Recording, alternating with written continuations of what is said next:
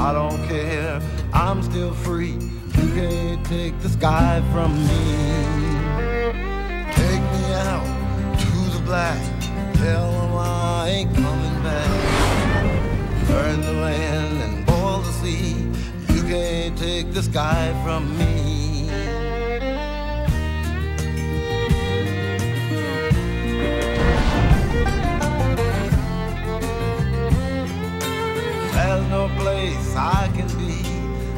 I found serenity. But you can't take the sky from me.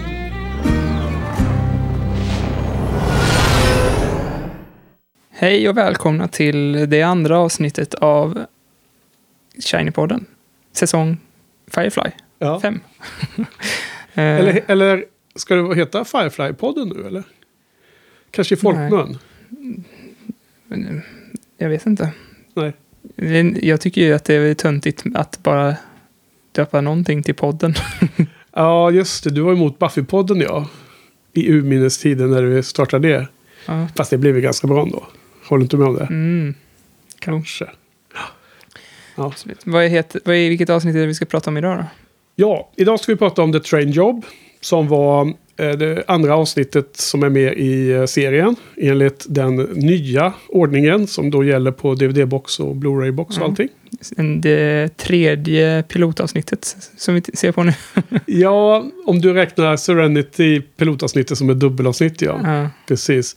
Ehm, men det, det är det ju. Det är dubbelavsnitt. Eh, Det, det går ju att visa som två avsnitt om man kör det på tv-filmsformat med bara 42 minuter per gång. Men lyckligtvis är ju den piloten en enda lång film, eller man säger så, en dubbelt så långt avsnitt. Det, Mm. det är inga, ingen break i mitten och titles och så. Och som vi sa förra avsnittet så är det skrivet av eh, Tim Minear och Joss Whedon över en helg. Ja, Allegedly. precis. Det är det som är legenden. Ja. Jag lyssnar ju på en, en eh, po- podd som heter... Okej, har- jag tänkte att jag skulle memorera vad po- podden hette i det avsnittet. Den heter Mighty Fine Shindig kanske? Okej, ja. MF Shindig. ja. Och eh, jag, jag, jag kollar på extra material och sådär som du har slutat med nu. Men jag vet inte hur många gånger jag har hört folk säga att det här skrevs över en helg nu. Ja. Jag är så jävla trött på att folk säger att det skrevs över en helg. Okej, så du har redan börjat tröttna på alla saker som folk eh, hypar runt sånt här. Nej, men eh, det jag känner att man har hypat det här avsnittet för är ju mest för att det har blivit så nedklankat på som det där ersättningspilotavsnittet då som då puttar bort Serenity. Ja, men det var nog bra att du sa det till mig, för då eh, gick jag in med rätt inställning kanske till det här avsnittet. Ja, vad då Tyckte du att det var mycket svagare eller än, än Serenity? Eller hur, hur, hur nej, tyckte nej, du? jag tyckte det var bra. Ja, Men att du hade liksom sagt att det hade dåligt rykte, då fick jag så här, men då ska, ska jag nog hitta det som är bra med det. just det.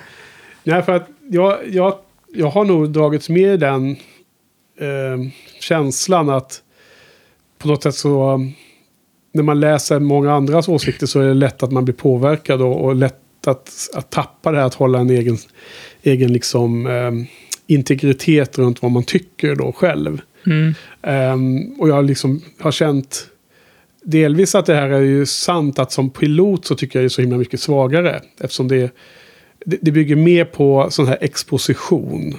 Eftersom de har så kort om tid på sig.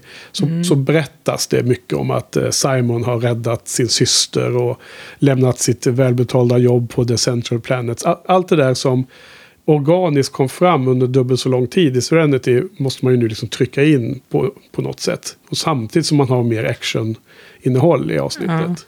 Ja. Och, och det, det kan man ju rent eh, tv-serie och tekniskt tycka att det är en svagare. Jo, och å andra sidan så är ju Joss Whedon så jäkla bra på de bitarna för att han, det är alltid så härlig dialog. Så att man, man vill ju nästan höra de här expositionsdialogerna eh, Ja. eftersom Joss Whedon gör dem så roligt. Ja, och, och det är precis det jag också själv tänker när jag ser, film, när jag ser avsnittet nu för tiden. Det är ju att det, det är inget dåligt avsnitt.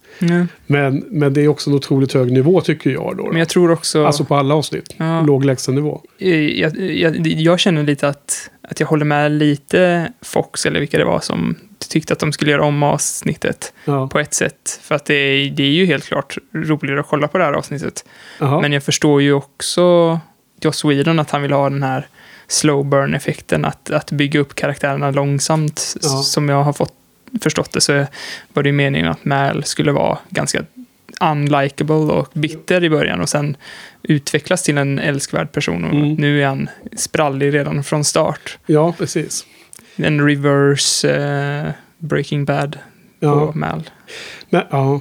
Jag har inte sett den ännu, men jag ska försöka ta mig an och se den nu i vinter. Har jag nästan, ska jag nästan kunna ha det som ett mål att se igenom Breaking Bad så jag kan vara med i alla sådana referenser.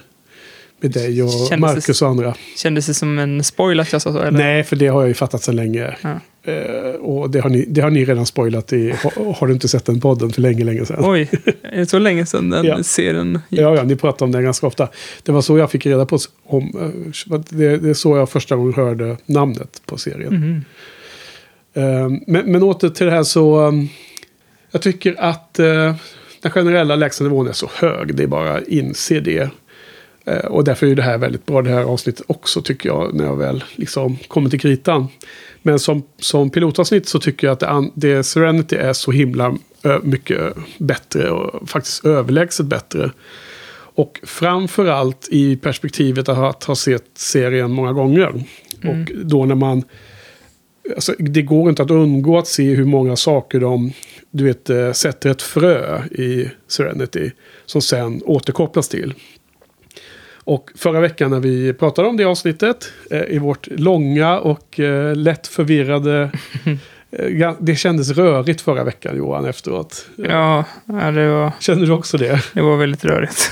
Ja, alltså jag har inte eh, satt mig ner och klippt det ännu, så jag har inte riktigt lyssnat på resultatet. Och som, som du kommer ihåg från Buffy-podden så är det ganska svårt att bedöma det innan man har hört hur det Ja. blev. Ska vi avslöja att, vad vår plan var med det avsnittet? Att vi hade skrivit upp scen för scen och tänkte ta allting i kronologisk ordning. Och det gick, gick åt skogen på två minuter.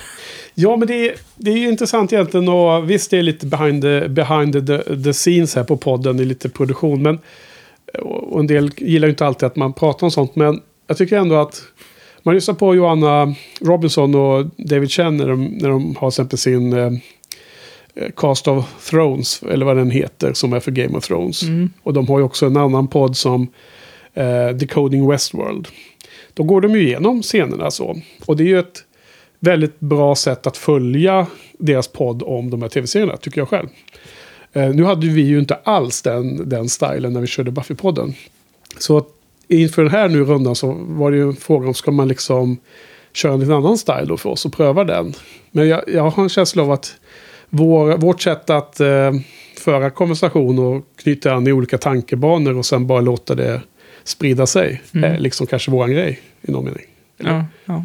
Så att jag har ju skrivit upp scenerna också här nu. Men det är mest för att ha, ha, dem ju, ha det som en referens så att man, man har ordning och reda i sitt eget huvud på de olika scenerna som man vill lyfta sen.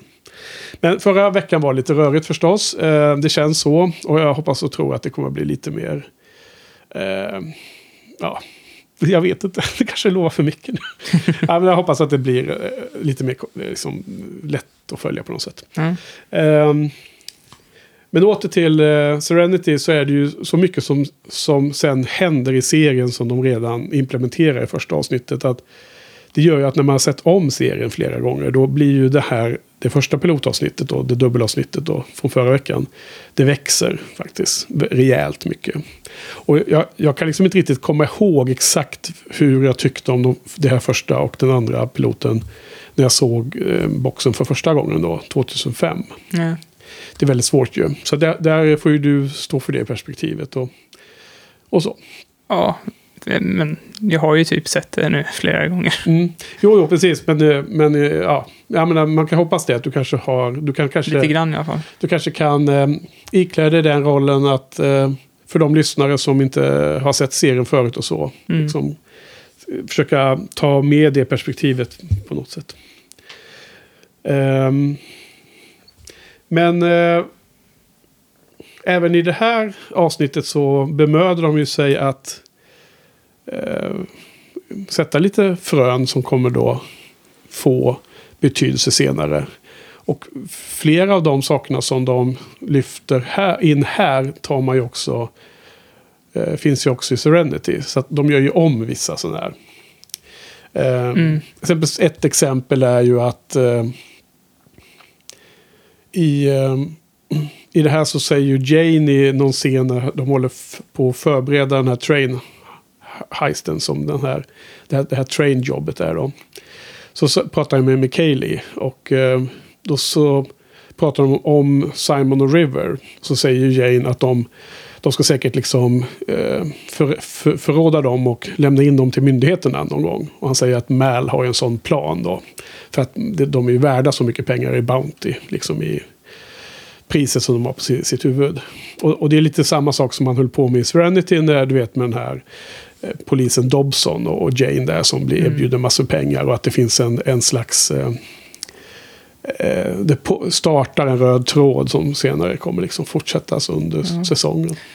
Och Joss tar upp många sådana exempel i audio commentary också. Ja, Jag ska, ja, inte, jag, jag ska inte in, in, iterera det, men Nej. bara få det sagt. ja, okej, ja, jag har som sagt inte lyssnat på det nu och kan knappt komma ihåg om jag ens har lyssnat på det tidigare. Nej, men eh, vad, het, vad heter hon? Summer Glau Ja, karaktären River. River, ja. Hon, eh, eh, hon säger något.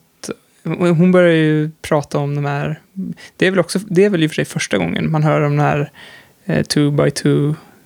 Hands of Blue. Ja, Ja, alltså i Serenity så pratade de om den här skolan och att de var på jakt efter henne mer. Mm. Eller hur? ja precis. Det är väl lite så här kryptiskt vad det där two by two m- m- betyder. Men jag antar att det är typ raka motsatsen till five by five ungefär. Ehm, jaha. Nej men alltså, det var- ett skoj. Men, Jaha, men okej. alltså, alltså själv, att det var lite mer... Ja, men då var det roligt. Att det, var, att det är inte ett bra, en bra grej det där, two by two. Nej, men alltså det är ju det är för att de är, jobbar i par har jag alltid tänkt. De, de gubbarna som har blåa tvätt, Jaha. eh, diskhandskar på sig som det ser ut. Här vanliga. Jag trodde det var en gåta som man skulle få svaret på senare i serien. Jaha, jag kanske spoilat den, den då. Men nej, jag tror inte att det är en gåta. Jag tror att det är bara att de jobbar i par. Okej. Två och två kommer de och de har Hands of Blue. Och det, de har ju blåa händer men man ser ju också att det är så här väldigt simpel specialeffekt om man nu ens kan kalla det för det. Utan de har ju på sig sådana här diskhandskar som Ja. råkar vara ljusblåa. Eller sådana läkarhandskar. Ja, just det, lite man så här ska bli visiterad i tullen. Ja, precis. Kanske mer sådana, ja. Ja, precis. Nej, det, det, lite, lite tunnare gummi kanske. Men det, det är lite halvsunkigt då. då. Ja, men det, det, har jag märkt. Jag gillar ju att det är sunk, att den här känslan av sunk i Firefly, Ja. att det inte är Star Trek liksom.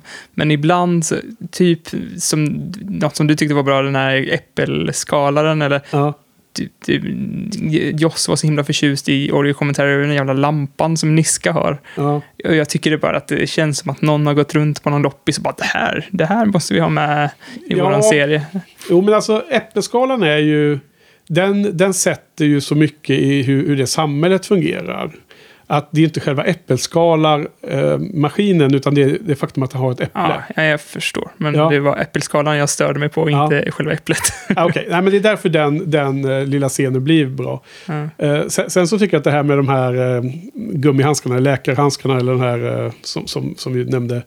Det, det är liksom så här lite halvdålig effekt. Och, och det är lite som i Buffy med den här Lone Shark. Den här, Mm. eh, den här elaka mannen i... Eh, eller Tabula Rasa i inledningen av det Jag kan inte avsnittet. avsnitt det är. Jo, men det, det är den som Spike gömmer sig för honom. Han är ju en sån Mm, det. shark.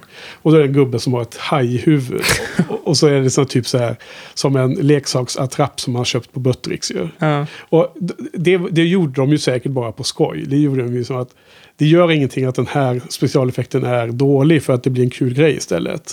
Mm. Och det är liksom inte det som var poängen med det avsnittet. För det avsnittet, poängen är ju det humoristiska som sker sen när de vaknar upp. Ja, men det passar lite bättre in i Buffy-världen här. Känns det som att de ändå försöker vara Ja, ja, lite ja. på riktigt på något Jo, jo, sätt. absolut. Och det är de 100%. Men jag menar att den lilla, lilla detaljen, att inte de där Hands of Blue är gjort med någon superavancerad påsprayad lack på, på huden. Mm. Kan vara av samma karaktär, att de tycker att det har inte så stor betydelse. Det viktiga är att det, att det går fram vad det, att det är en speciell detalj som man- man ska... Det hon pratar om ska synas, men det är inte så viktigt. Det, det är liksom inte så centralt att de lägger ner extra energi på den.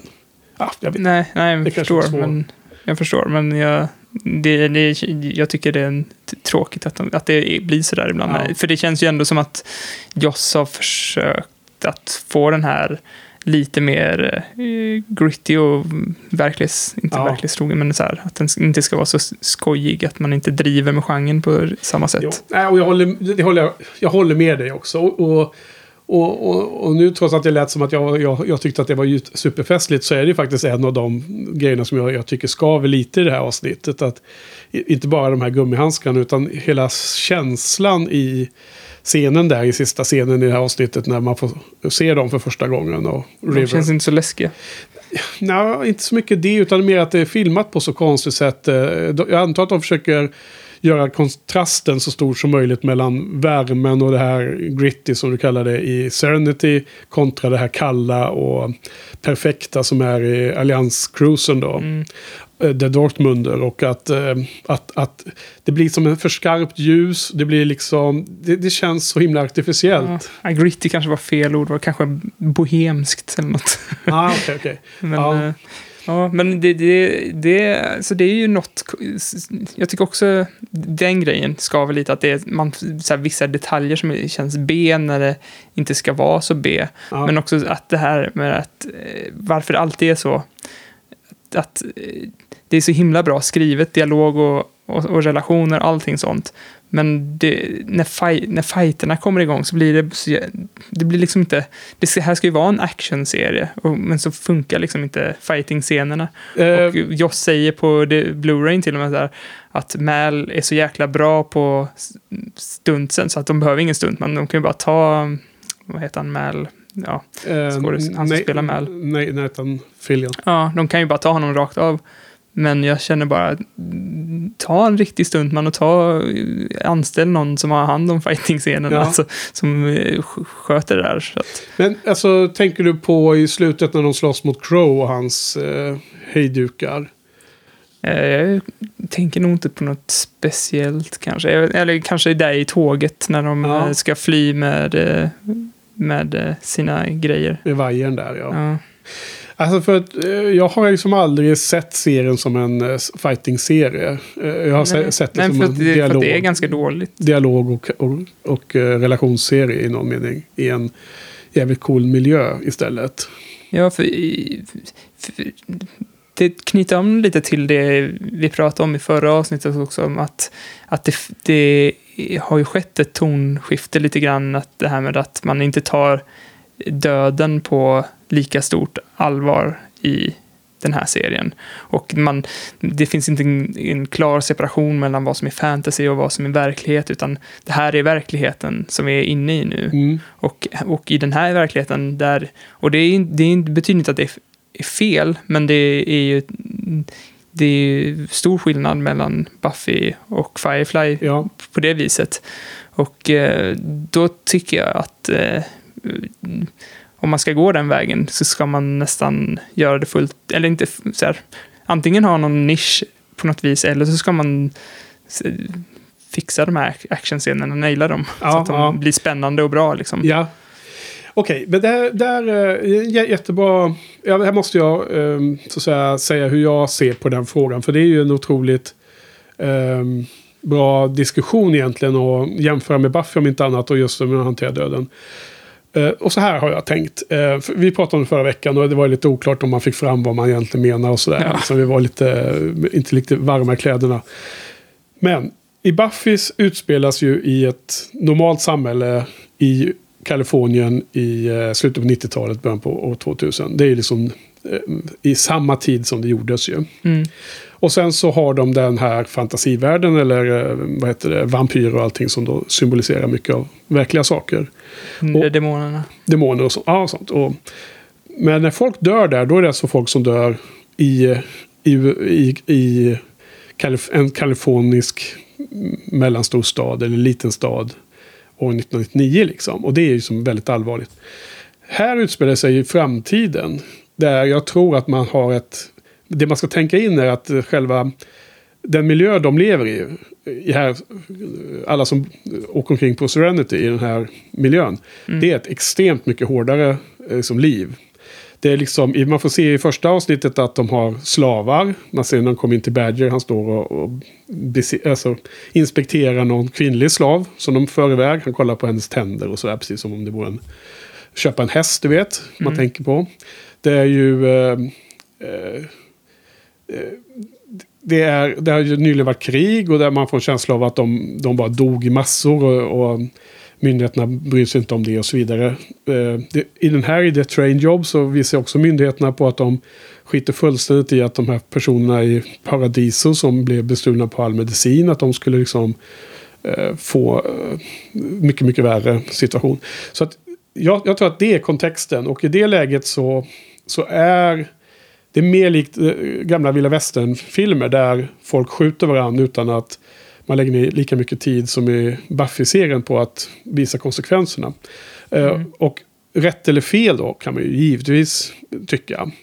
Ja, men jag tror att det här är lite mer slow burn i den här serien. Och Jag Ja. tror att liksom den, den konsekvensen som olika av de här sakerna de gör kommer catch up på olika sätt lite senare. Ja, jag, tror, jag lägger ingen värdering i att, att valet har gjorts. Att hur går vi ifrån det här?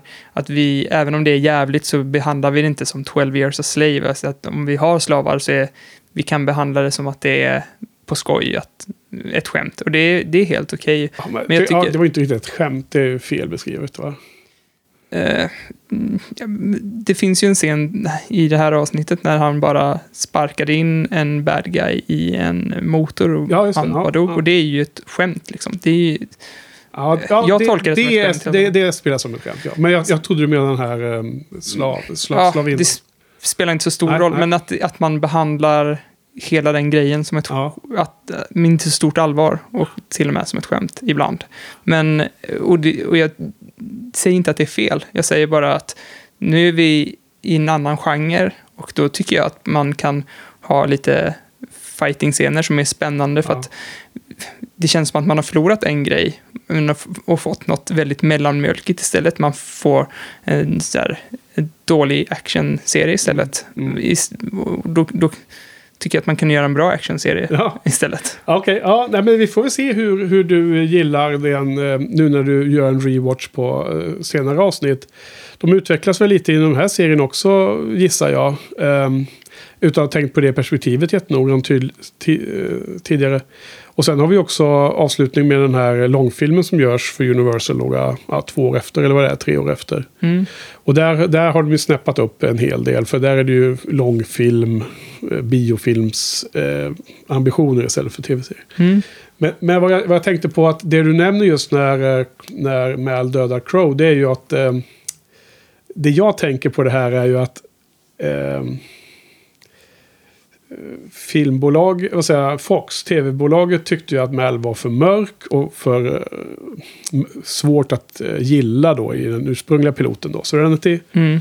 Och där finns ju bland annat att han skjuter Dobson i kallt blod i slutscenen, i Mm. slutet av det avsnittet.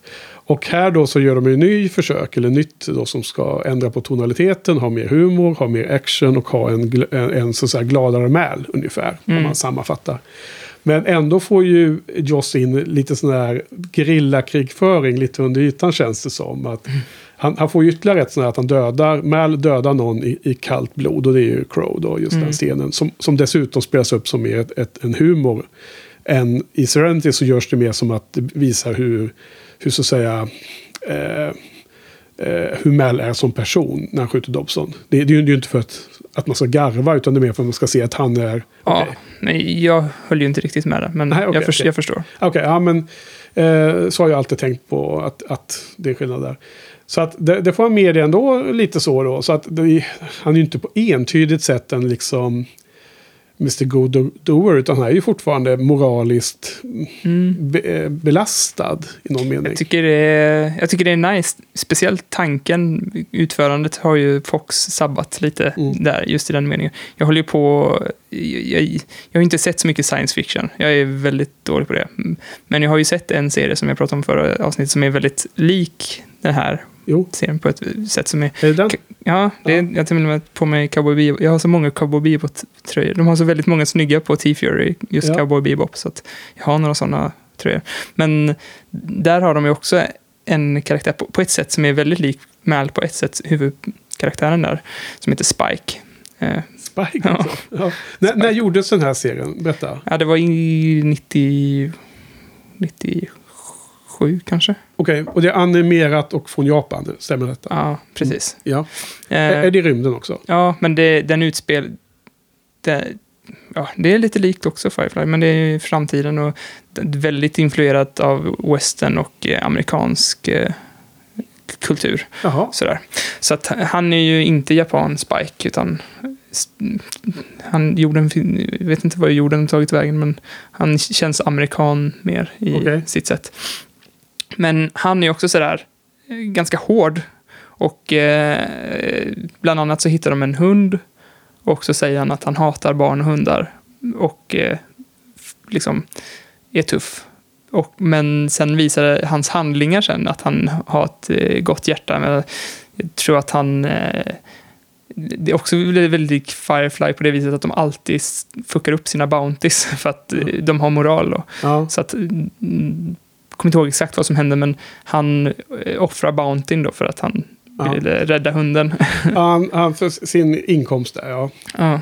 Men det, alltså, det beskriver ju väldigt väl Mal. Han, han gör massor med väldigt felaktiga saker ibland. Eh, om man ska vara moraliskt clean. Men han har ju eh, hjärtat på rätt ställe. Det, Mm. det, är den, det är den komplexa figuren som, som Joss försöker eh, ja. måla upp, tror jag. Jag- Jag ska försöka att inte vara så himla, ha så mycket metainformation här, men jag tyckte, det var en sak som jag tyckte var lite intressant faktiskt. Det var i podden eh, MF Kin- Kindig, som eh, en kille där, han som pratar mest om metainformation, berättade att eh, från början så var det inte meningen att den här medicinen som de stjäl från tåget, att Mal skulle lämna tillbaka den, utan från början så var det meningen att han var tvungen att välja mellan att liksom låta de här personerna som behöver medicinen lida eller låta sin crew svälta. Och då valde han att eh,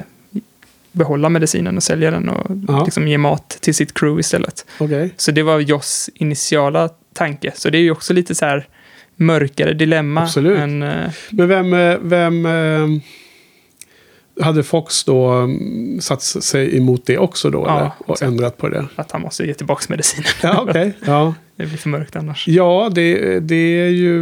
eh, Det hade varit kul. Jag menar, det, vad som framförallt hade varit roligt var ju att det hade blivit en serie som Fox hade tillåtit fortsätta. Eh, Men, och, och då hade man kunnat vara villig att kompromissa. I, i mitt, mina ögon så hade man kunnat kompromissa mer. Precis som Mal alltid gör. Och som båda de här piloterna visar att Mal alltid försöker kompromissa i vissa, till ett visst läge. Och sen har han backat tillräckligt mycket så är det liksom inget alternativ längre. Och då Nej. måste han göra även liksom hemska saker. Nej, jag tyckte det var bra sammanfattning av eh, Mal, att han typ backar tills det inte går längre. Och då, då, är det liksom, då är det inte som att han tvekar längre, utan då... Nej, och, men det finns ju... eh, Och, och jag ska inte eh, hålla på att spoila framåt som, som eh, du hjälpte mig att stoppa mig förra gången. Några gånger. Ja, jag tyckte du gav en perfekt tease efter jag, jag, till rätta sa dig. Ja, det var väldigt bra tease. ja, ja, Sådana teasar är bra. ja precis. Och, eh, liknande typ av tease är ju att framåt i den här storyn så kommer ju Mal vara liksom superarg på vissa, eller alla i, i sin crew. Men samtidigt så älskar han dem. Så att det är liksom... Eh, det är inte det svart och vita, utan det är, det är säkert nästan varenda sån där scen kan man säkert diskutera och ha olika synpunkter på olika eh, tolkning av eller hur man uppfattar det och känner tonalitet och så. Och- Och därför tr- tror jag att jag tror inte den här serien har lika mycket spännande tematiska frågor som Buffy hade. Där, där demonerna symboliserar någonting som var en tematik. Ja. Men jag tror att den här kan ha eh, bra mycket att diskutera när, när det gäller relationerna på, på de nio karaktärerna som Mm. de nu valde att ha för att de ville ha många sådana här, kar, eh, såna här kar- karaktärsytor att behandla. Det tyckte jag verkligen stämde i det här avsnittet. Mm. Jag, Kaeli har fortfarande riktigt vunnit över mig än. Inte? Men nej. däremot tycker jag att det är jäkligt fint hur alla andra liksom förändras när de kommer i närheten av Kaeli. Alla Ja. blir så här mm, snälla, typ. Ja. Men till och med Jane, när han sitter där utanför, blir, blir eh, När hon är skadad. ja, Ja, blir en mushig version. Och eh, Och det finns ju någon scen här där de sitter och flätar håret eh, på... Inara hjälper henne. Precis. Eh, hur, vad heter det? Alltså Jane är ju precis som en sån här ganska elak storebror. Att Ja. eh, han håller på att reta henne och han håller på att terrorisera henne när han får nys på att hon börjar bli sugen på Simon. Liksom när hon börjar bli intresserad av Simon så gör ju han som, som liksom storebröder säkert kan göra. Liksom är väldigt så här retsamma och, och liksom försöker medvetet sätta henne på liksom, på, liksom, att det blir, blir pinsamt för henne och så här, liksom, Mm. genera henne. Men sen när det kommer till kritan så är liksom blod tjockare än vatten. Nu, nu är de här bara, kanske inte blod då, då men, men det blir ju som en familj det här också, precis som i Mm. Buffy då. då. Eh, ja. Som Guardians of the Galaxy. Nej. Ja, de har ganska långt kvar känns det som i mina ögon. Ja, eh, nu tänkte jag på någonting men så tappade jag det. Jo, men just det, vad jag bara undrade här. Hur, hur gör du nu när du ser, eh, när du förbereder inför poddavsnitten då? Eh, sj- själv då så, jag, så gör jag så att jag, nu ser jag avsnittet bara rakt upp och ner en första gång. Mm. För eh, vissa av de här har man ju sett nu nyligen då, bland annat när, när David och Måns har varit här och hälsat på mina systersöner då. Och då har vi sett några avsnitt och så. Och, och, och något avsnitt såg vi ju med dig och Linnea och Joel och så här. Mm. Men väldigt många har jag inte sett på, på bra länge. Så att det blir en väldigt så här, spännande återbesök till många, många av de här avsnitten. Eh, så jag ser först, först en gång och sen andra gången så, så skriver jag, sätter jag mig ner och ser och sen även då skriver lite så anteckningar då, som man har med sig. Ja, men jag gör exakt likadant. Du gör det också? Ja, vad härligt. Ja, Jag tycker det är det bästa, liksom att man... eh, Det blir lätt att man blir bara för analytisk om man direkt ska kasta sig in och försöka hitta varenda liten detalj. Ja. Mm. Ja. Um, Okej, så det här train job. Um,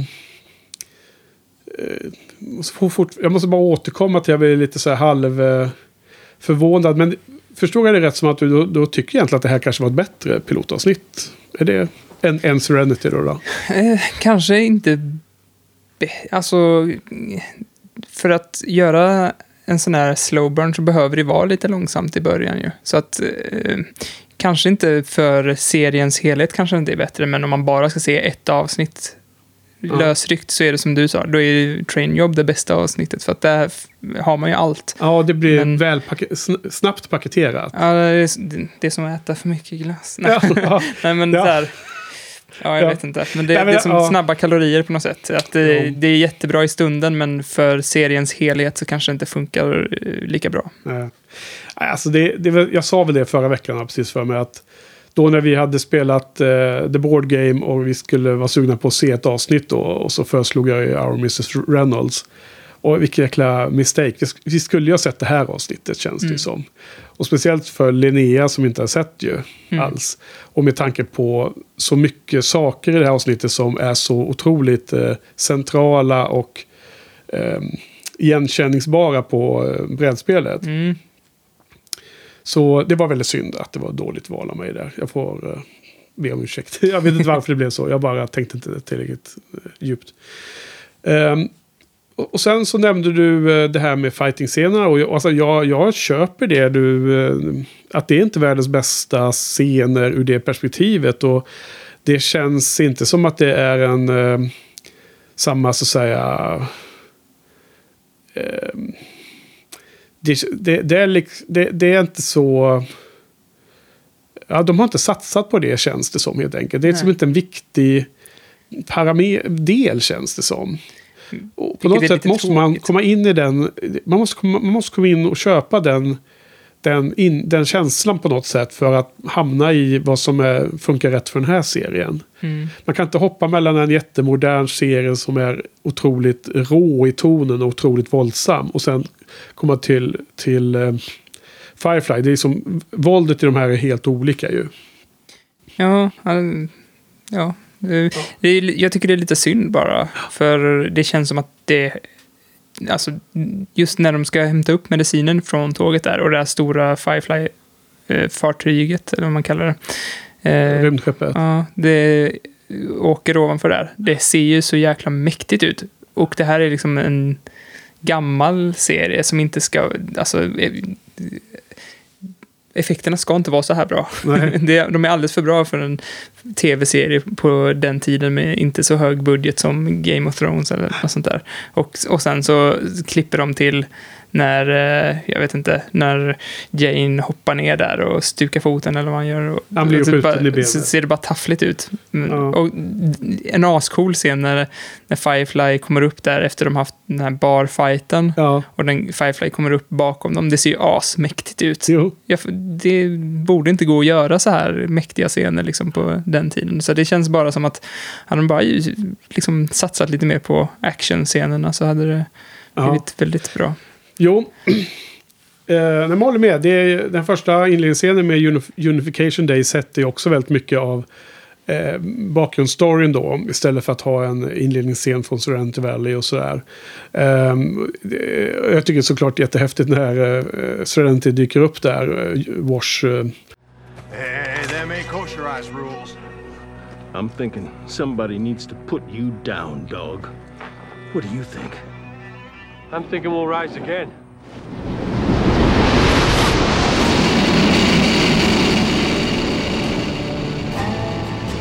Every man there go back inside, or we will blow a new crater in this little moon.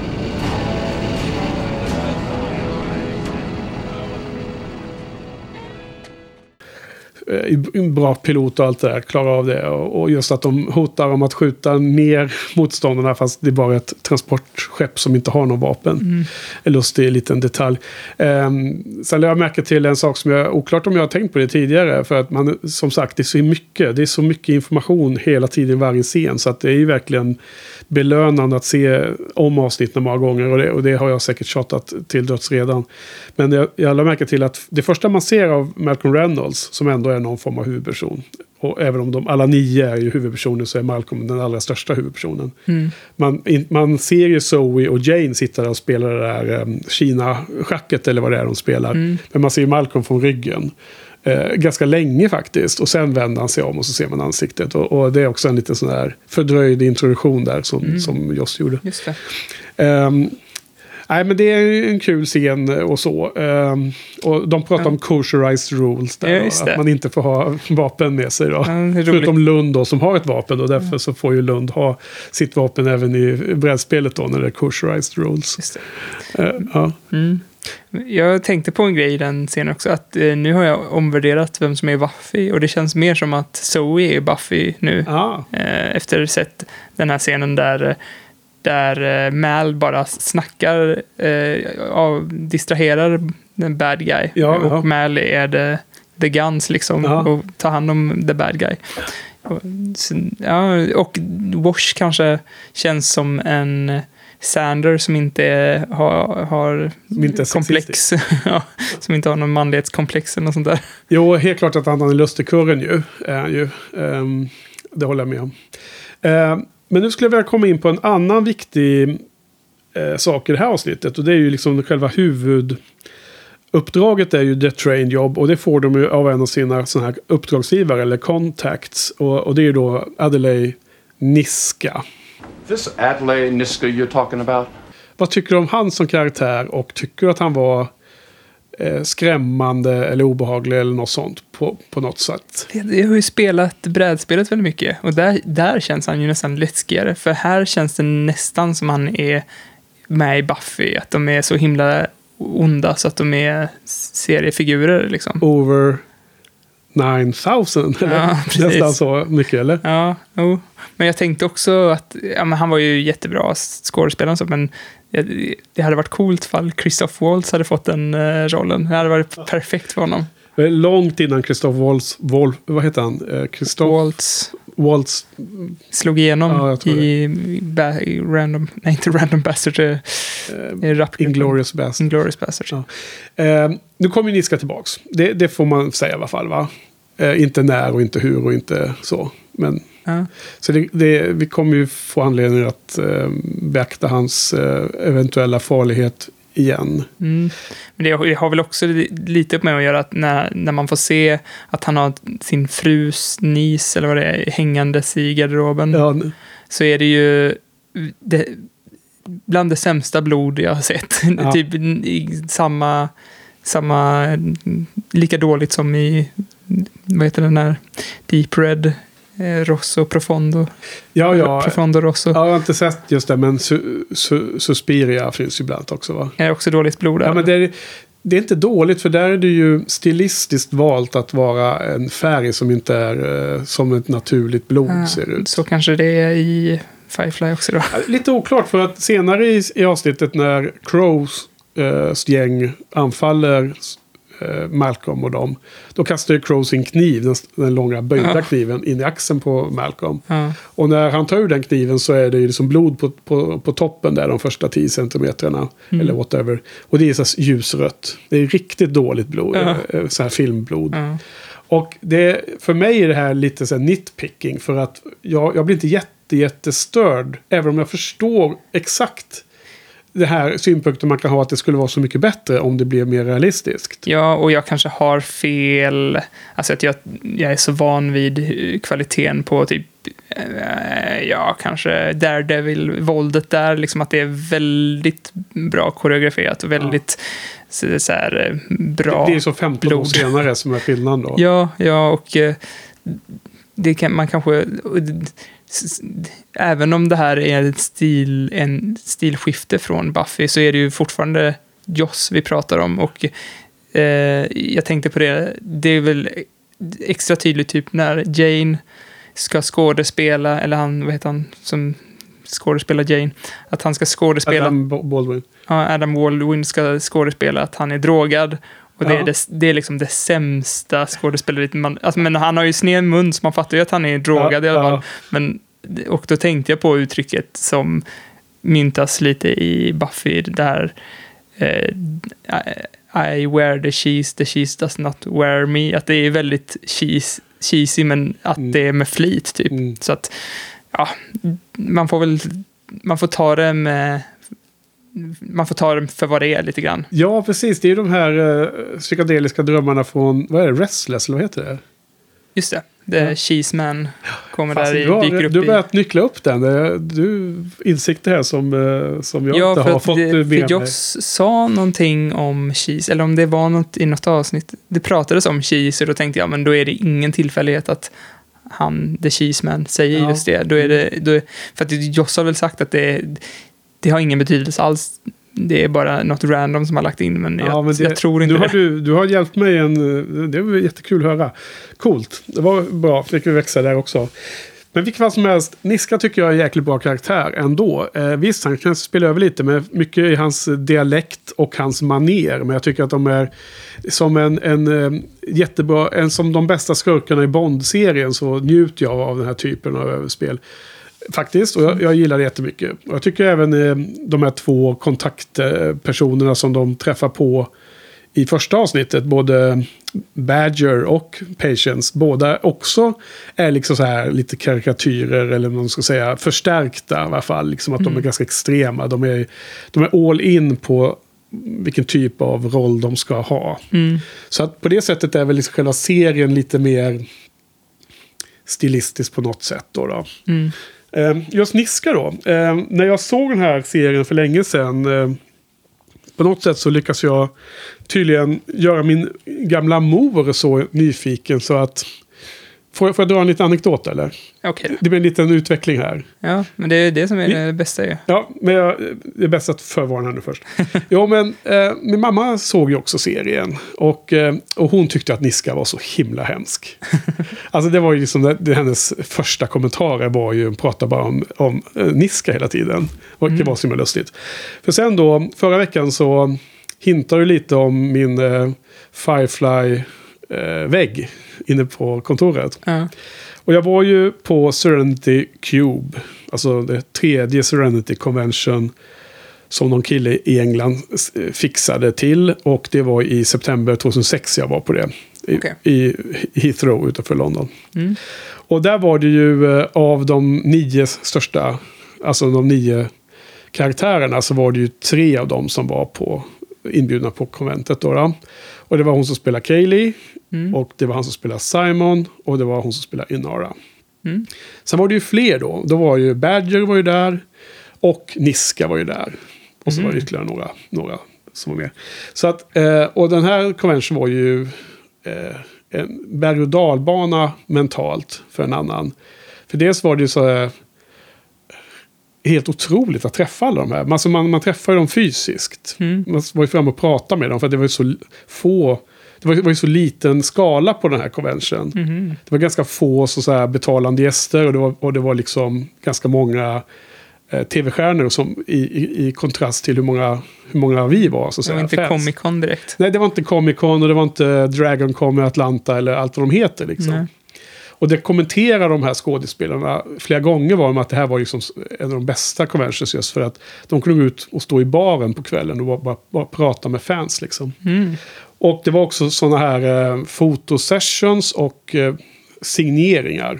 Och när det var då signeringstillfälle man gick in, då, då stannade man hos varje som en station. gick man till nästa skådis och sen gick man till nästa. Och, så här. och då blev det genast lite så här köer runt Kaylee och sådär. Alltså Jewel State. Och det blev ju jättelånga samtal med henne. Så det, man fick stå och typ köa. Och då hamnade jag ju med han Michael Fairman, heter han, som spelar Niska.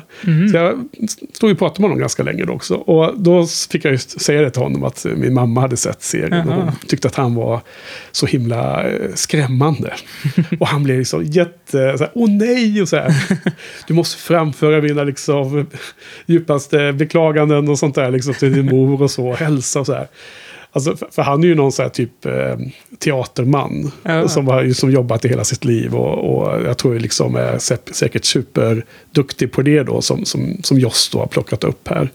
För han har liksom koll på det. Eh, jag vet inte om han är britt till och med. Det har jag har inte kollat upp här nu. Men, eh, men i alla fall, det var så himla roligt där, och den, den kontrasten. För, för det kan du säkert tänka dig att skådespelaren var så supersnäll givetvis. Han var Ja, så otroligt såklart. artig. Jag är nästan säker på att han var britt faktiskt, om jag nu skulle våga gissa utan att kolla på internet. Han har ju någon speciell dialekt där i Firefly. Ja, den är ju liksom mer så här typ östeuropeisk brytning, va? Känns det som. Eller Ja. ryss eller något sånt där. Europe ja, precis. En europeisk. Ja. Nej, men han var oerhört artig och det var himla kul i alla fall att, att få den, det perspektivet. Nej, men eh, det- var väl Euro State var ju roligast på den.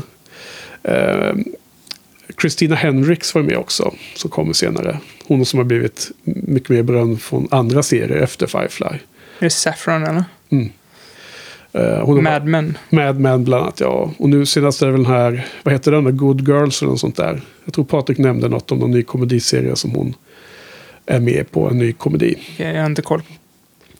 Eh, och, eh, ja, men det var så. Eh, hon som spelar Inara, vad heter hon då? Morena Baccarin.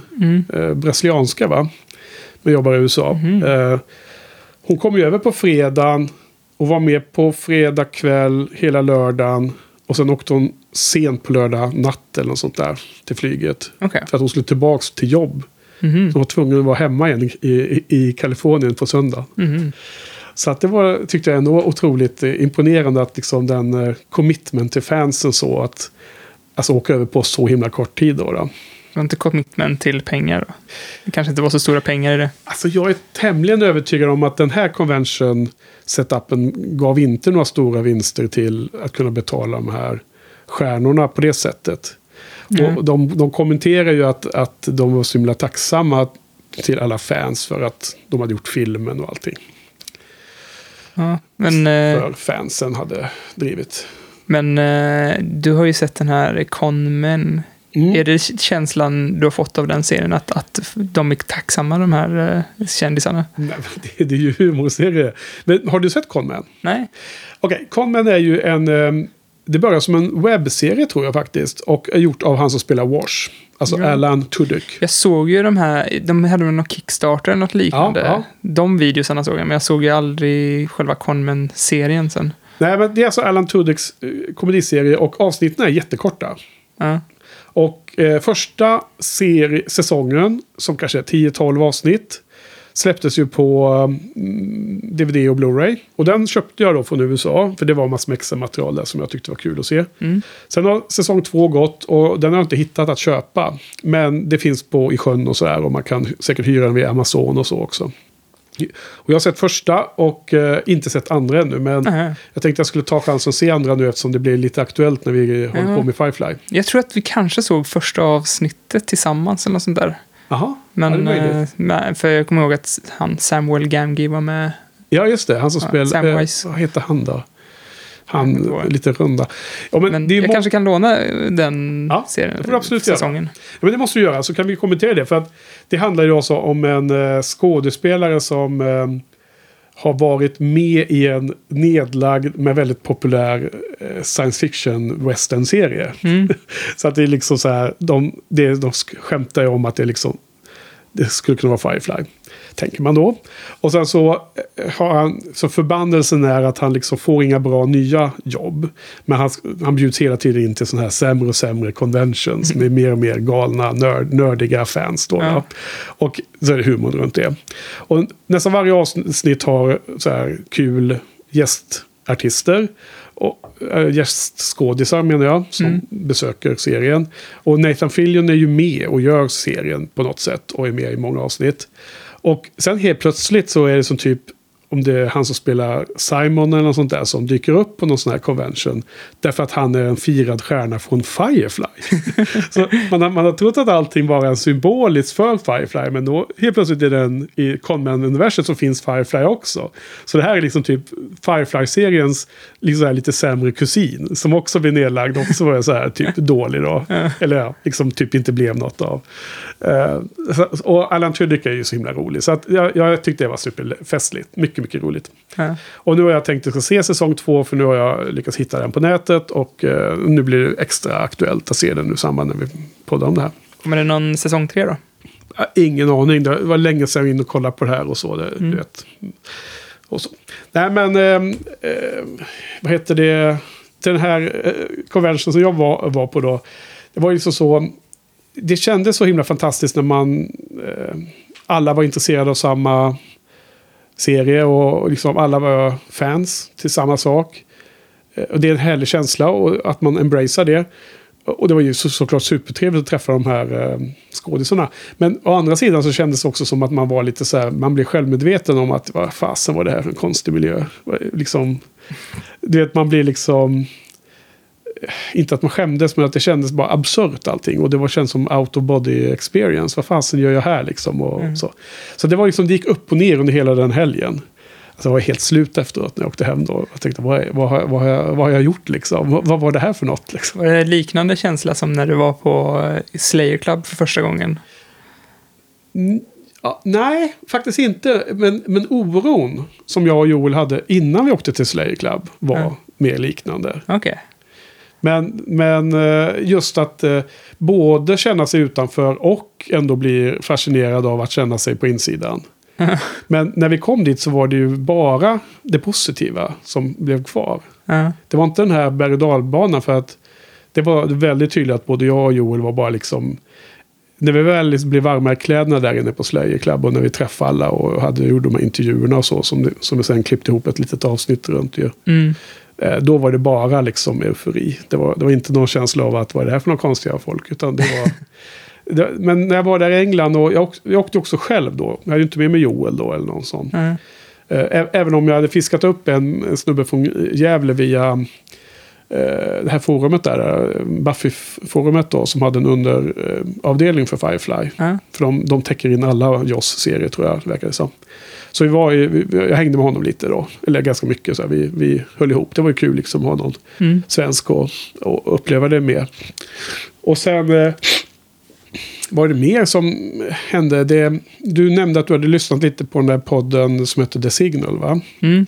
Och den var ju då runt den där eran som mest aktiv. Mm.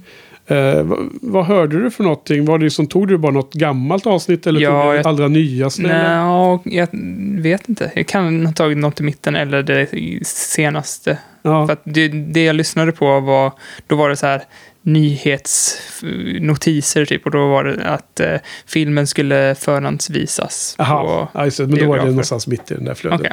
För den där podden finns ju inte längre gissar jag. Nej, nej precis. Det Nej. var gamla avsnitt bara Ja. som låg uppe. Jo, för då hade de ju en, en brittisk tjej som var väldigt drivande i det gänget som gjorde den podden. Och hon var ju där. Så, så jag var ju, jag lyssnade på podden och tyckte det var jättekul att följa nyheter om vad som skulle hända med ja, filmen och allting. Det var liksom när det var som mest hektiskt runt den här eran. Ja. Och jag hörde ju om henne, hon nämndes ju hela tiden. Hon var som typ, eh, ja hon gjorde, jag tror hon klippte eller om hon var produ alltså producer eller vad man ska säga. Ja. Och sen var hon där då på den, på den convention såklart. Så att vi, det var också kul att prata om henne och så här då. Vad trevlig då.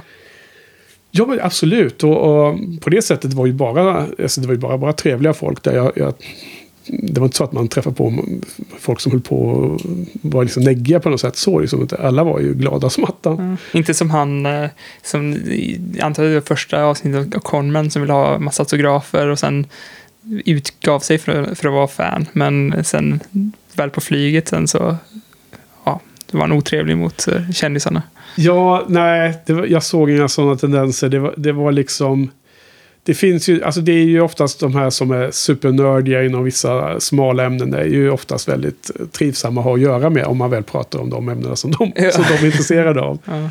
Eh, Det var inte någon här känsla av att det var elitistiskt eller att man, man skulle liksom kvalificera sig för att passa in.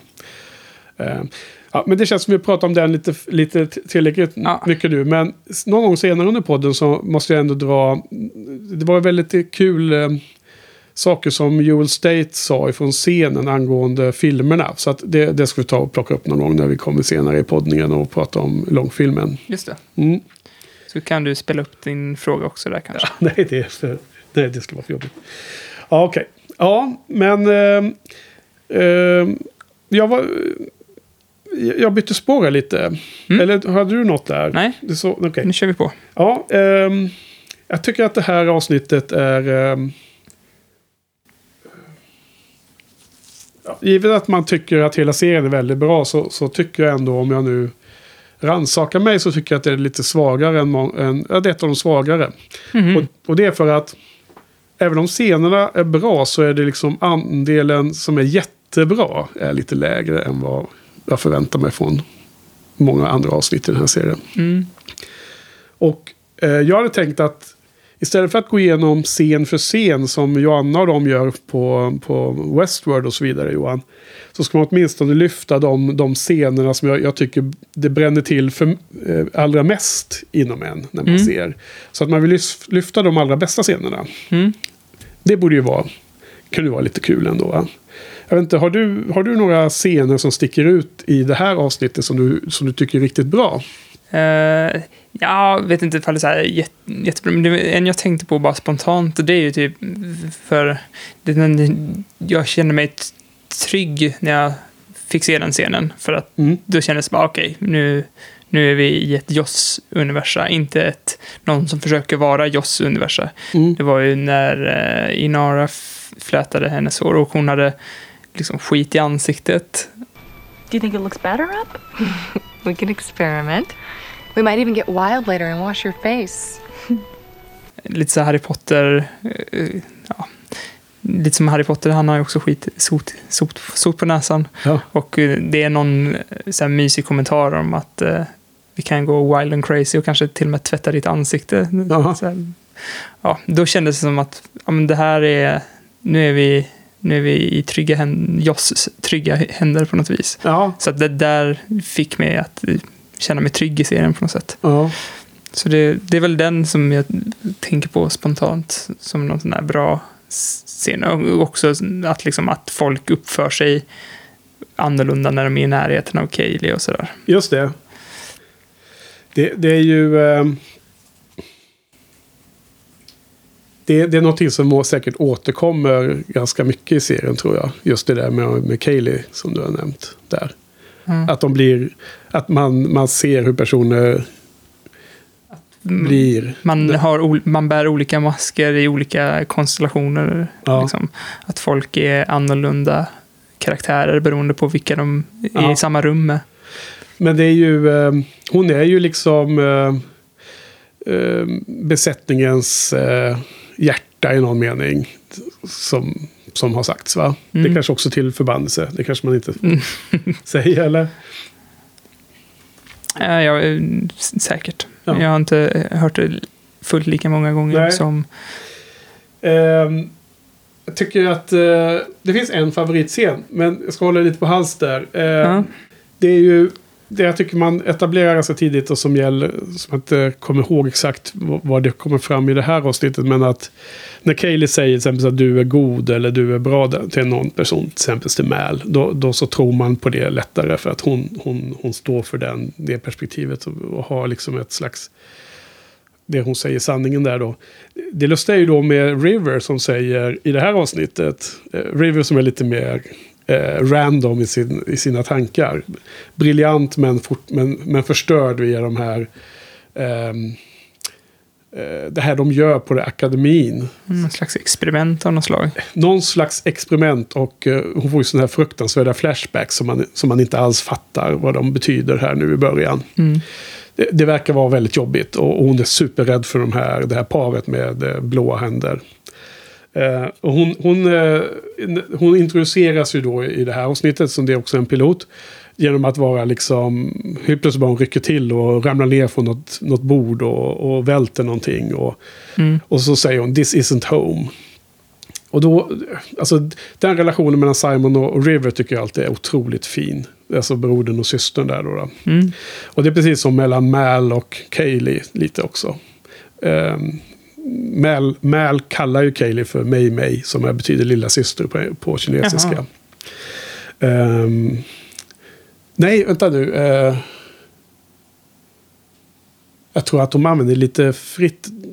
Om de, är det Simon och, och River som säger det också? Ja, det, det måste vi dubbelkolla. Men det, det är i alla fall Mei Mei vet jag betyder lilla syster. Sen vem det som säger det mest.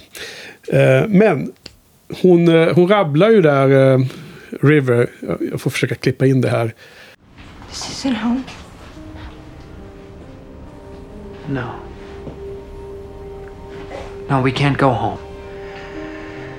If we go home, they'll just send you back to the academy. This is safer now.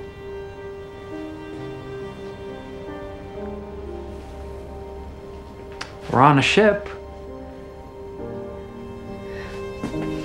Mid-bulk transport. Standard Radion Accelerator Core Class Code 03-K64. Firefly. Så kommer ju Mal in och säger att "Äh, inte ens jag kommer ihåg allt det där.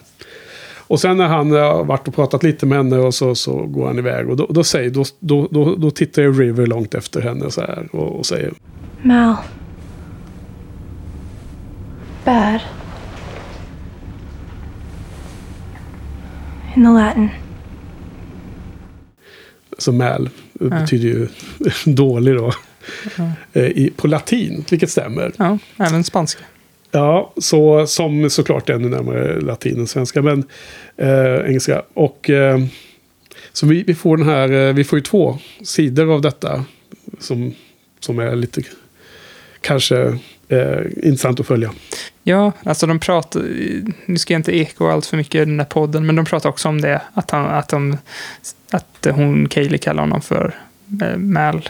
Ja. Och eh, det, det, det, och jag tyckte också det var intressant att de, liksom- det här ska ju egentligen vara, vara piloten och man har inte sett honom i något tid, tidigare pilotavsnitt. Nej. Så att man vet inte ifall han är Mal eller ifall han är Mal. Ja. Att om man är god eller ond. Och eh, här skulle det då vara att så, han kanske är ond ändå. Och sen i Lite, slutet... lite omnios, lite så här o, oklart. Ja, och sen när han väl liksom ger tillbaka medicinen, då får man liksom svart på vitt. Okej, han har ett gott hjärta trots allt. Mm. Så att eh, det var pegga upp för den där överlämningen av medicinen lite, den, den planteringen där. Ja, absolut. Ehm, så att det finns... Jo, men precis. Men det är ju... Det är ju ska jag kommentera den först. Alltså det, är ju, det har jag inte jag tänkt så mycket på. Men det är klart som fast att man måste se det avsnittet. Och tänka in att man inte har sett allting som sker i Serenity. Det är absolut. Då, då, då kommer ju vissa av de här sakerna make more sense. Liksom. Mm. Ja, men det är bra kommentar eh, och så.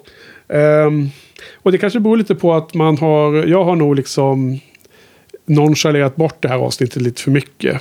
För att det är lite kaka på kaka. Det, det är lite som andra Harry Potter-boken. Som är precis som första boken, fast den ändå inte är först. Alltså första jag, jag har inte boken. tänkt på det så, men det är... Alltså alla andra böcker i Harry Potter-serien är introducerade något, något nytt nytt. Eh, det är någon ny typ av känsla i boken eller någon ny typ av fas i, Mm. i storyn. Medan andra boken är den enda som inte gör det. Utan det är väldigt mycket en repetition av Ja. första boken. Ja. Fast den inte får vara den som är första boken. Så det är mycket enklare om man gör det som själva origins. Det är bra Story. nu att vi tar igen att vi inte hade någon Harry Potter-referens i förra avsnittet med Ja. två Harry Pot- Potter-referenser i det här. Ja, precis. Men nu, nu, nu ska jag ändå komma till den bästa scenen. Och eh, av alla dessa relationer som det är många som kommer byggas och så blir väldigt bra eh, fram igenom. Så är ju den som är otroligt eh, central och eh, vikt, inte viktig men eh, eh, innerlig och eh, som känns i hjärtat. Och det är ju den relationen mellan Mal och Inara. Och de har ju alltid, alltså Mal är ju så himla elak mot henne ofta. Och hon biter ju tillbaks ordentligt. Och för att bevisa den, för att understödja den relationen så är det faktiskt en scen mellan Inara och Book som belyser det. Och som är det här avsnittets bästa scen. Mm. Och det är när hela gänget är borta då, eller de håller på. De är inte borta, det är ju bara Mal och Zoe som är borta. Som vanligt, det är de som åker ut och gör de här farliga sakerna. De har ju krigat ihop så jättelänge så de vet väl vad den andra tänker innan den andra hinner tänka det liksom. Så de är, de är perfekta paret i, i, när de gör brott. Men eh, Kaylee håller ju på och Wash håller på och styr och Kaylee håller på med vajern och du vet allt det här. Jane har, har hoppat och så här. Och då är det ju Book och Enara i köket medans eh, brottet pågår. Eh, det finns en scen, känner du, kommer du ihåg? Jag tror det. Ja. Inara kommer fram för hon ska göra te. Och Book säger där och sitter och säger att han känner sig... eh, Att han vill hjälpa till. Ja. Och Just nej, jag vill inte hjälpa till att göra brott, men jag vill liksom vara, jag vill, jag vill vara useful, menar Mm. han då. Och då, då säger ju, den, den dialogen är, är ju helt underbar. How long have you known him? I've been on the ship eight months now. I'm not certain I'll ever actually know the captain. I'm surprised a respectable companion would sail with this crew. It's not always this sort of work. They take the jobs they can get, even legitimate ones. But the further you get away from the central planets, the harder things are, so this is part of it. I wish I could help. I mean, I don't want to help. Not help, help. but Not with the thieving, but I do feel awfully useless. You could always pray they make it back safely. I don't think the captain would much like me praying for him. Don't tell him. I never do. Nu tänkte jag klippa in den här faktiskt, säger jag till mig själv. Ja. Eh, Nu klev jag ut ur poddningen och in i produktion. Ska du läsa upp dialogen och Ja, sen ja. ha med det du läser upp ändå i podden? Nej, jag, jag läser upp det och sen klipper jag över det. Okej. Men jag läser upp det för att vi ska få en eh, kontext här. Kommer det bli en kör av, eller kommer du ta bort ljudet? Nej, jag, jag, jag klipper bort mitt. Då, då säger några... Eh, eh, Book frågar någonting och så säger liksom jag vill hjälpa till. Och så säger några You could always pray they make it back safely. Han är ju präst så det är ju bra. Och då säger Book I don't think the captain would much like me praying for him. If I'm your mission, Shepard, best give it up. You're welcome on my boat. God ain't. Så säger några Don't tell him. Och sen, sen så vänder hon sig om och så kommer kameran och zoomar in där på henne. Och så säger hon tyst för sig själv. I never do. Liksom, hon, hon ber för att det ska gå, gå bra för dem hela tiden. Ja, okej, då tolkar vi den olika, den scenen du och jag. Jaha. Ja, jag tänker att hon hittar på massa hyss som hon inte be berättar, alltså, berättar för uh, Mal. Att, att hon gör- gör massa dumma grejer som hon inte Nej, berättar. nej, nej, nej, nej. Men Utan det handlar om... Det är att hon ber för Mal och sen inte berättar det för honom. Ja. Så är det ju. Alltså det är jag helt säker på. Jag vet inte. Eh, Det, det måste det ju vara. ja, men visst, nej, man kan inte vara helt säker. Det är fel av mig att säga. Nej, men för- jag känner väldigt tydligt att det är så. För det känns mer rimligt eftersom om hon hade gjort något som Mal inte gillade så hade hon definitivt berättat det. Ja, exakt. exakt. För det, det är det, så fort de är med varandra så blir det alltid bråk. Ja, det var tur du lyfte upp den scenen, för annars hade jag misstolkat den. Ja, för, för, För det här är ju så himla... I Serenity, förra veckans avsnitt, så, så bråkar de ju mest hela tiden. Och, och det gör de ju här också när... I slutet av den scenen när Inara eh, kammar håret på Kaylee. Då kommer ju Mal in där och då är det också så lite så här banter fram och tillbaka. Så att mm. Inara säger att han får inte komma in där ännu. Och så länge jag hyr den här shutteln så får du inte komma här och så. Och han, han retar henne med om att, att, att, att do you service the crew members now? Liksom som companion då. Som, som, you wish. Ja, precis. Och liksom det är så här fram och tillbaka. In your dreams var det va? Ja. In your dirty dreams. Ja, eller lonely dreams Ja, tror jag det. säger. Sånt där. Men så, så fort det blir fara och färde så, så är helt plötsligt Mal där och ska beskydda henne. Alltså i det här avsnittet så kommer man in till henne och säger vi ska åka till en snubbe som heter Niska. Och hon har ingen aning om vem det är. Och så säger hon, du, du, då måste du stanna på, på skeppet, säger Mal. Och då tolkar hon det negativt då med en gång, med taggarna utåt. Jaha, du vill inte liksom att jag ska gå in dit och få några schyssta jobb eller du, du liksom skäms för det eller något sånt där. Och han bara, nej, nej, nej, det är en farlig, farlig situation. Alltså, och då är helt, tonaliteten, då är han helt allvarlig plötsligt. Nu har han ju kastat den där masken att hålla på och jävlas med henne för sakens skull. Samma sak i Serenity när de åker förbi River-skeppet. Så är alla jätterädda. Och sen senare i Serenity så kommer ju River-skeppet tillbaks. För jagar de verkligen då. I slutet när de har fightats mot, efter de har fightats mot Patience. Mm. Då tar ju till och med Mal henne på axeln i, ute i, i hallen där utanför pilotstationen. Och säger åt henne att ta med de civila in i din sh- shuttle och åk iväg om vi blir bordade. Mm. Och vi ska liksom hålla, hålla stången ett tag så ni kommer undan liksom. Eh, och jag tycker att de där små, små detaljerna i, i den här relationen som kommer byggas nu under de här tio timmarna är, är guld värt. Ja, det meta. Men som du också hörde, så Joss hade ju väldigt fin, eh, fin eh, regiteknik, eller sådär, regi, eh, ja, fin regi där. Genom att berätta, berätta att eh, sättet han skulle putta iväg eh, Inara på var som en dans. För att han, putt, han har ju handen på axeln och puttar iväg henne för att hon ska springa iväg. Ja, Och då ska han putta henne som, att, som om de dansade. okej. Ja, jag, jag har ju, alltså på ett sätt så önskar jag att jag hade...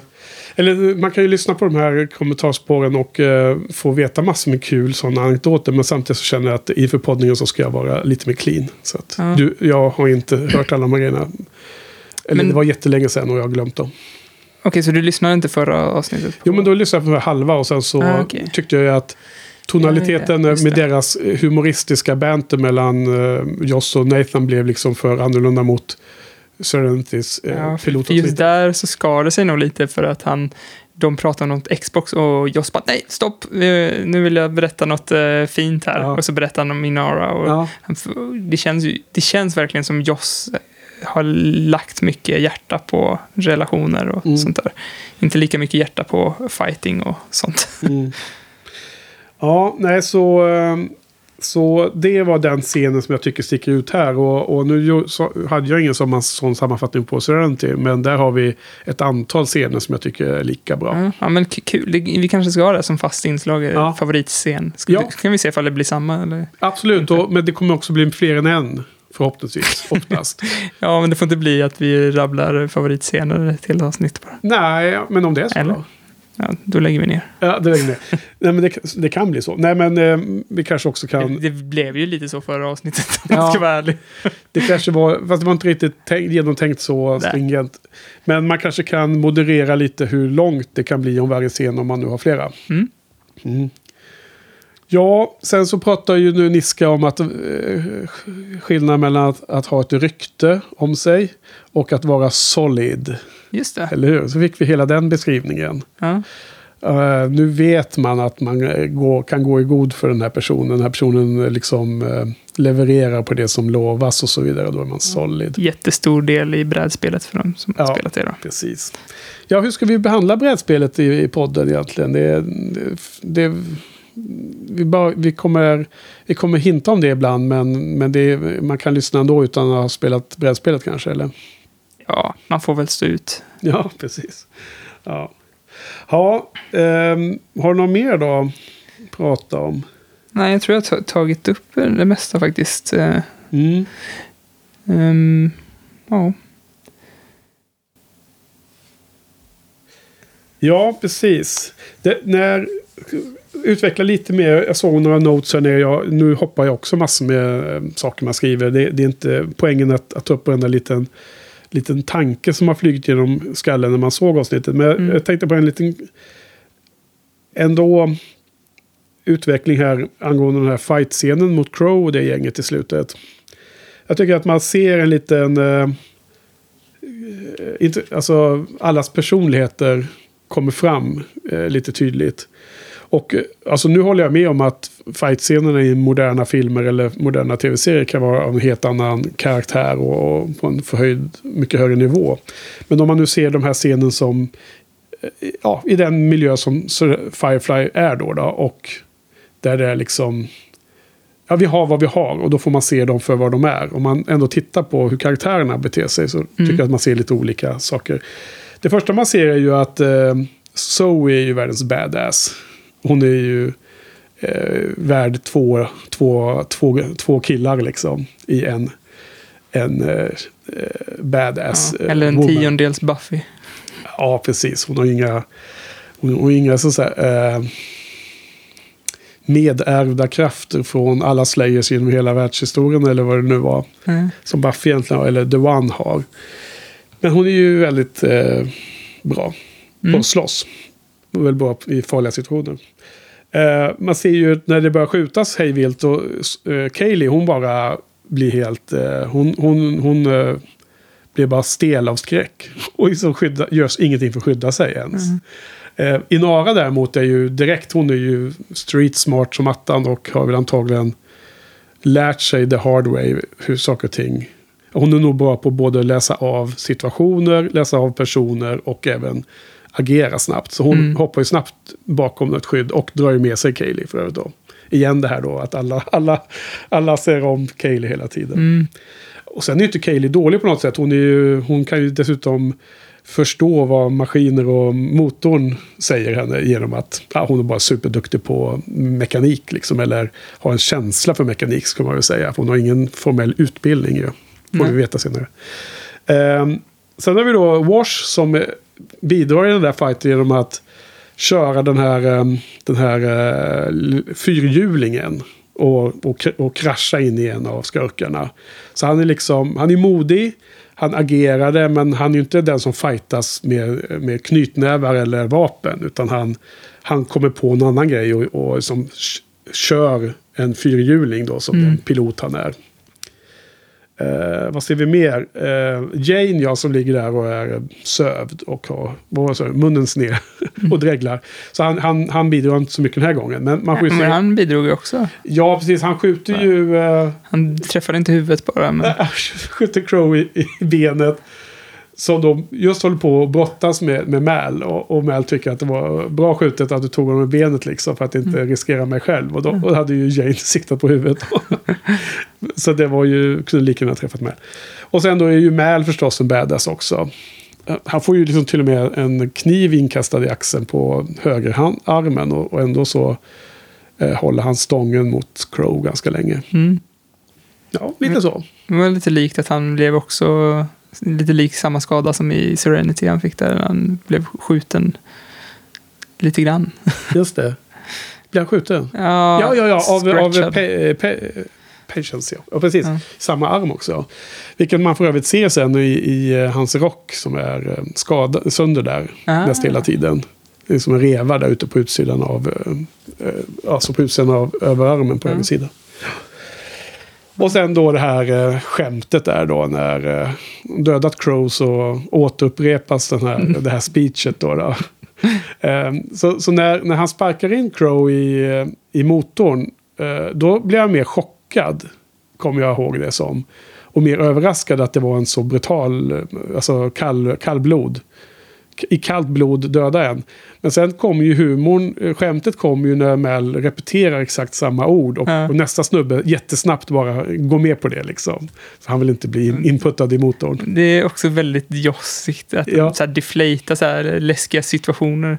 Det är lite som när Spike står på den där uh, sluttningen eller vad det är och säger att I'm the new big bad och så blir han tasad av Ja. de här eh, Det är initiativ. Ja, som Ja. för övrigt är det här, alltså det känns, det var det känslan jag fick när jag såg Buffy första gången, att de kunde, alltså jag blev jäkligt pepp på hela den, det initiativ, för att det kändes som de här Blue Hands-människorna, att de Ja. kunde vara, de skulle kunna vara samma, samma- organisation precis. och vara i samma universa. Ja, ja. Men, eh, ja, Håller med. Det, det man har sett hittills är det inte omöjligt, men det, det hade man ju hört någonting om om det vore så. Ja. Men eh, det, det är roligt att fa- fantisera om det i alla fall. Jo, 500 år i framtiden. Jag, jag, jag tror väl att, att det är väl kanske inte riktigt samma universum. Men det kan ju finnas en del eh, influenser helt klart. Ja. Det kanske är ett parallellt universum som är, skimrar så nära varandra så att vissa saker glider över lite så. Vad tror du? Nej, jag tror att det är samma organisation. Ja. Jag hoppas att det finns lite rolig fanfiction. Jaha, Men ja. inte för att jag or- kommer orka läsa det. Men... Ehm, en, en sista grej, eller jag vet inte, börjar närma oss uh, Wrap It Up kanske, eller? Ja. Mm. Musiken är ju så bra också. Och så väl tajmad. Är det någonting du har tänkt på ännu, eller? Det, jag har svårt för musik. Eller, det är så jävla bra i Cowboy Bebop. Och det här, Ja. här, det är ju väldigt appropriate och passar bra och sådär. Men det, det har ju liksom inte samma attityd som Cowboy Bebop Ah, okej. Alltså nu, nu eh, jag menar absolut inte bara vignettsäsången. Nej, jag, jag förstår. Men Utan, utan scoren är, jag tycker den är så otroligt bra. Men det är klart att det handlar om att man gillar serien och man har man, man gillar eh, att den förstärker, den, den förtydligar vad Joss menar med olika scener.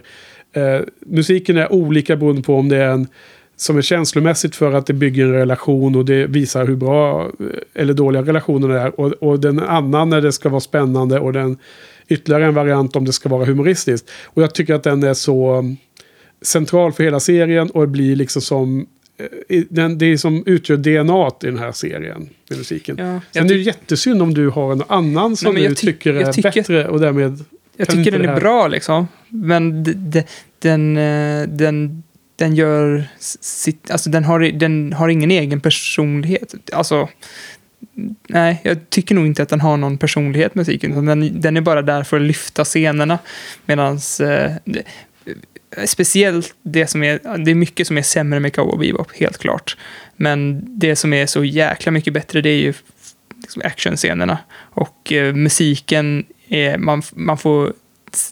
Liksom, det har så himla mycket attityd så att man, man blir, hjärtat liksom börjar pumpa extra när man Ja. ser de actionscenerna. Ja, men det är bra. Och här, hur, hur lång är den där Cowboy Bebop? Jättekort, kolla på den. Eh, Jag Ja, har beställt, jag, beställt Blu-ray-boxen nu så att du kan få låna den när jag Ja. väl har fått den. Eh, För att jag blev så himla pepp på att eh, se om den.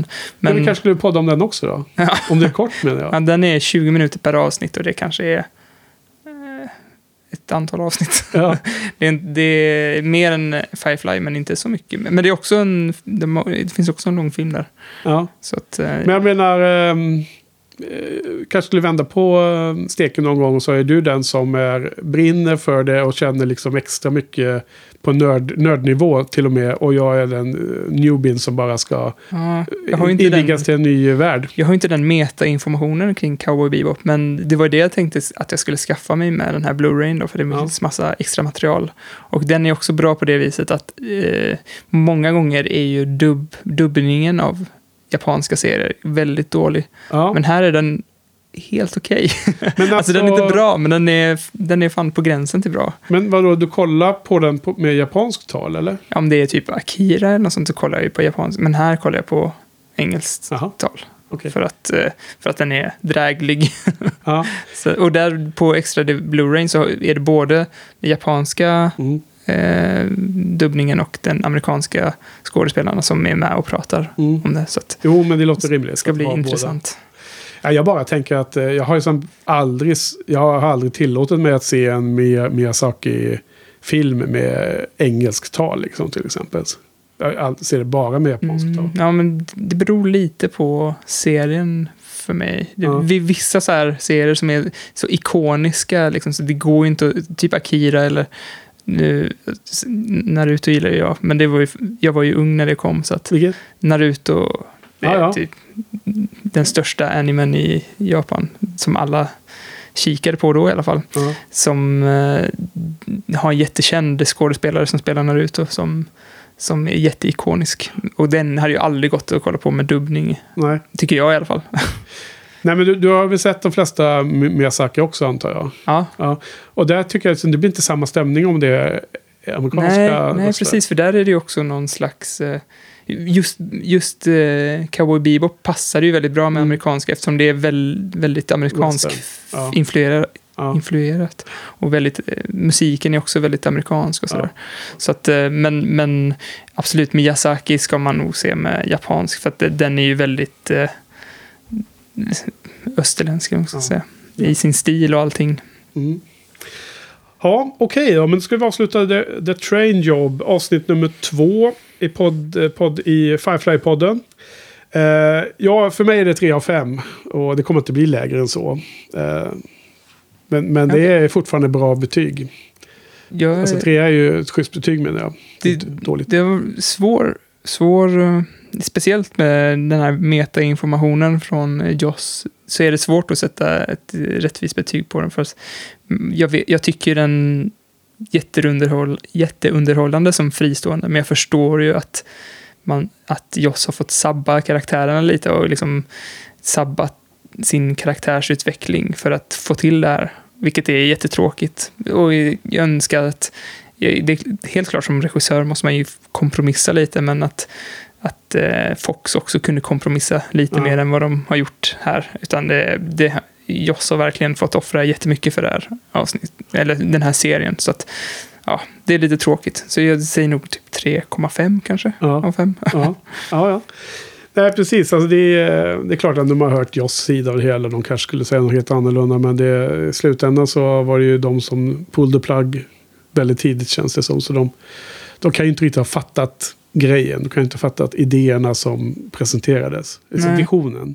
Nej, de har nog bara hört liksom Joss, att han är det heta namnet och vill ha honom och sen inte riktigt velat ha det han gjorde. Utan Ja, inte insett det förrän de har köpt det kända namnet. ja okej då. Nej, men då är vi kanske klara för dagen va? Jag kommer inte ihåg vad det var för podd, men det var någon podd jag lyssnade på som så här lovade att läsa upp allting som folk skrev på, på iTunes, vare sig det var snällt eller elakt. liksom. Okej. Det tyckte jag var ett roligt koncept. Ja. Det blev väldigt roligt även om det var något elakt. Men vet du vad? Vi, vi ska ju göra som jag och Frans har gjort i, eh, i Hitchcock-podden. Ja. Att vi, eh, vi, eh, vi har en buffert, vi spelar in det här tidigare innan vi publicerar. Vi har det liksom inte så här att vi spelar in bara några dagar före publikation som vi hade i Buffy-podden. Men däremot så kommer vi eh, vid behov lägga ut extra episoder där vi följer upp inbox och lyssnarbrev och, och kan vi prata om det här också då. då. Ja. Eller hur? Det låter bra. Det, det kan vi göra då helt live, precis när det sker. Och så gör vi en kort extra episod och kastar ut på feeden. Mm. Liksom mer eller mindre utan, utan klipp, klippkostnad eller tid. Mm.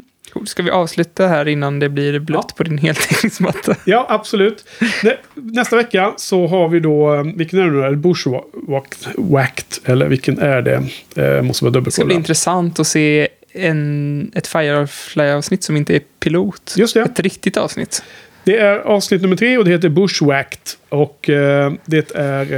Eh, det ska bli jättekul att prata om det. Och eh, jag, vet- jag vet direkt massor med grejer i huvudet som jag tänker på att man ska kunna prata om rörande det avsnittet. Så att det ska bli jättekul Johan. Mm. Så då är vi klara för ikväll då. då. Så tack Johan. Tack Henke. Ja, tack Joss. Tack för oss. Tack för oss. På återhörande. Adjö. Kissa. What is it?